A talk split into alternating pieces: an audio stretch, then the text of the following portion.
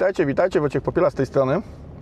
Dzisiaj w materiale będzie e, o takim fragmencie, który opublikowała na swoim LinkedInie Agnieszka Malińska. Agnieszka jest e, menadżerem e, programu partnerskiego w LH, a to jest z kolei firma zajmująca się hostingiem i oni ostatnio robili taką fajną ankietę na, dla twórców stron. Tam dosyć dużo, do, dużo osób wzięło w tym udział, tam chyba ponad 600 i to było dotyczyło tego, jak e, wytwarza się e, na przykład strony internetowe, sklepy i tak dalej, takie produkty cyfrowe ogólnie e, i jakie tam są różne, różne realia tej pracy.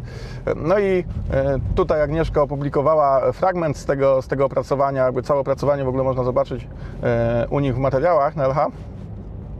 I tam było powiedziane tak, że 60% użytkowników, którzy mm, odpowiedzieli na tę ankietę, tych twórców stron, jako taki jeden z głównych blokerów całego procesu dodali niezdecydowanie klienta, czyli że klient o niektórych rzeczach decyduje, chociażby o jakimś finalnym kształcie, nie wiem, designu, czy, czy estetyki, czy jakichś rozwiązań. No i on jest po prostu taki niezdecydowany, co chwilę coś zmienia, chce wprowadzać jakieś tam poprawki i tak dalej, do końca nie wiadomo jakie yy, i tak dalej.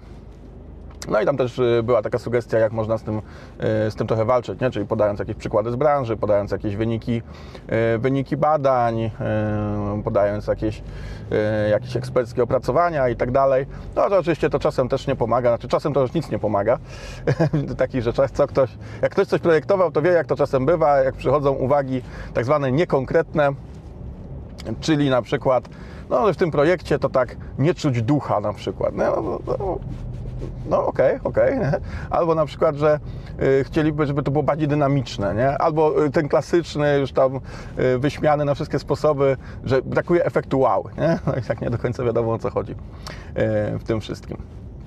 No, więc jakby taka nie, niekonkretność albo właśnie zmienianie czegoś w trakcie i, i tak dalej.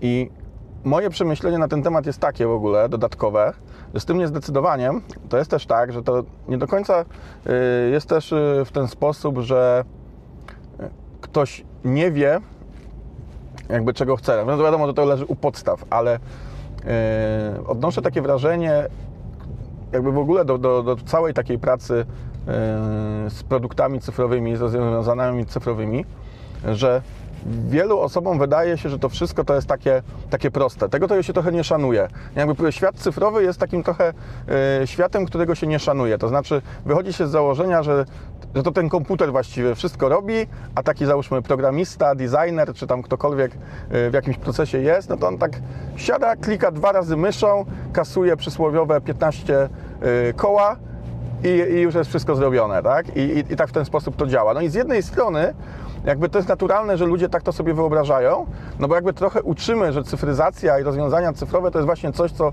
ekstremalnie ułatwia życie, nie? No jakby, jak, jak weźmiemy sobie na przykład, nie wiem, realia kiedyś, jak się robiło, nie wiem, kopie książek, nie? No, w jakichś zamieszłych czasach ręczne przepisywanie, tak, w jakichś klasztorach, yy, potem yy, jakaś yy, prasa, tak, coraz bardziej unowocześniana i, i, tak dalej. No a teraz to tak na dobrą sprawę bierzemy, kopiujemy na potęgę, kilka kliknięć myszą i możemy mieć, nie wiem, tysiące, setki kopii na, na wielu nośnikach w całym internecie, to się rozchodzi i tak dalej. No i jakby to jest oczywiście bardzo, bardzo pozytywne, pod wieloma względami może, że mamy taką łatwość, łatwość pracy pod niektórymi względami to jest, to jest negatywne i o tym będzie w innym materiale o eko, e, o podejściu eko do, do, do cyfryzacji.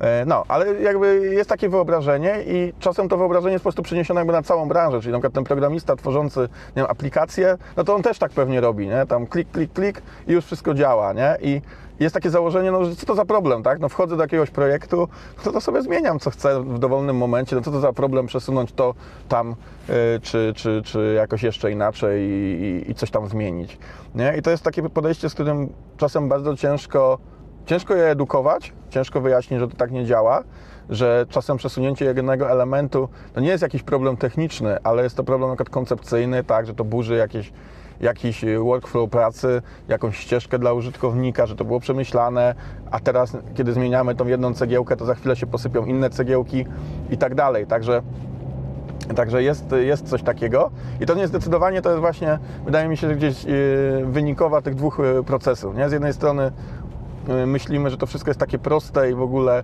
technicznie nie ma żadnych problemów, ale to nie muszą być problemy techniczne, właśnie mogą być też koncepcyjne, a i technicznie, no, przepisywać jakieś fragmenty kodu, y, czy czasem jedno zdanie burzy w ogóle cały, cały jakiś wypracowany ład, y, na przykład w aplikacji, bo nagle to dodaje funkcjonalności, które po prostu rosną i to wynika po prostu z niewiedzy. Y, No a oczywiście to, że, że, że jest to niezdecydowanie i że bardzo często ktoś mówi, że on musi zobaczyć, żeby zdecydować i, i, i zaczyna się mnożenie różnego rodzaju elementów, e, projektów, wariantów i tak dalej, e, czasami zupełnie e, niepotrzebnie, no to już jest inna sprawa. E, Nie? Bo, bo na to też, e, na, na właśnie tego typu e, nie, nie zastanawia, e, jakby takie nie, niezdecydowanie też jest czas w projekcie odpowiednim. O tym w ogóle mogę pewnie osobny materiał nagrać, no ale tak tylko na szybko, no od tego chociażby są makiety, tak, gdzie można różne rzeczy e, co, poprzesuwać, tak, posprawdzać i tak dalej. Są jakieś e, próbki designu, gdzie można też trochę się pobawić różnymi rzeczami, e, no ale no niekiedy to są uwagi, które wchodzą na, na sam koniec e, jakiegoś e, procesu twórczego i, i wywracają go do góry nogami. No, także tak, e, tak mnie zainspirował ten wpis, Agnieszki. Polecam zobaczyć cały raport od LH, bo fajny materiał. No, no i tyle. Także na dzisiaj w tym materiale kończę. I tak już wyszło dosyć długo gadanka. Do usłyszenia. Hej!